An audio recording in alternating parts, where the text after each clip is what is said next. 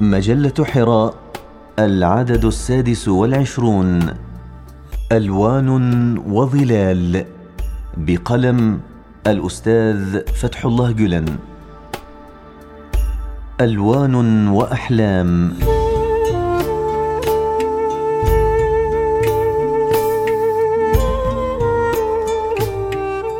بالحلم خيالنا مفعم رؤانا يسكن.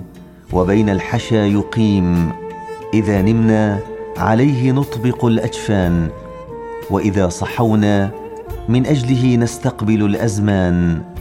سؤال واحد يمضنا والشوق إليه يدفعنا فالعارفين نسأل وكل خبير ملهم هل من ربيع آت عن قريب فمن بعيد نلمح ذاك الربيع. والمستقبل البهيج.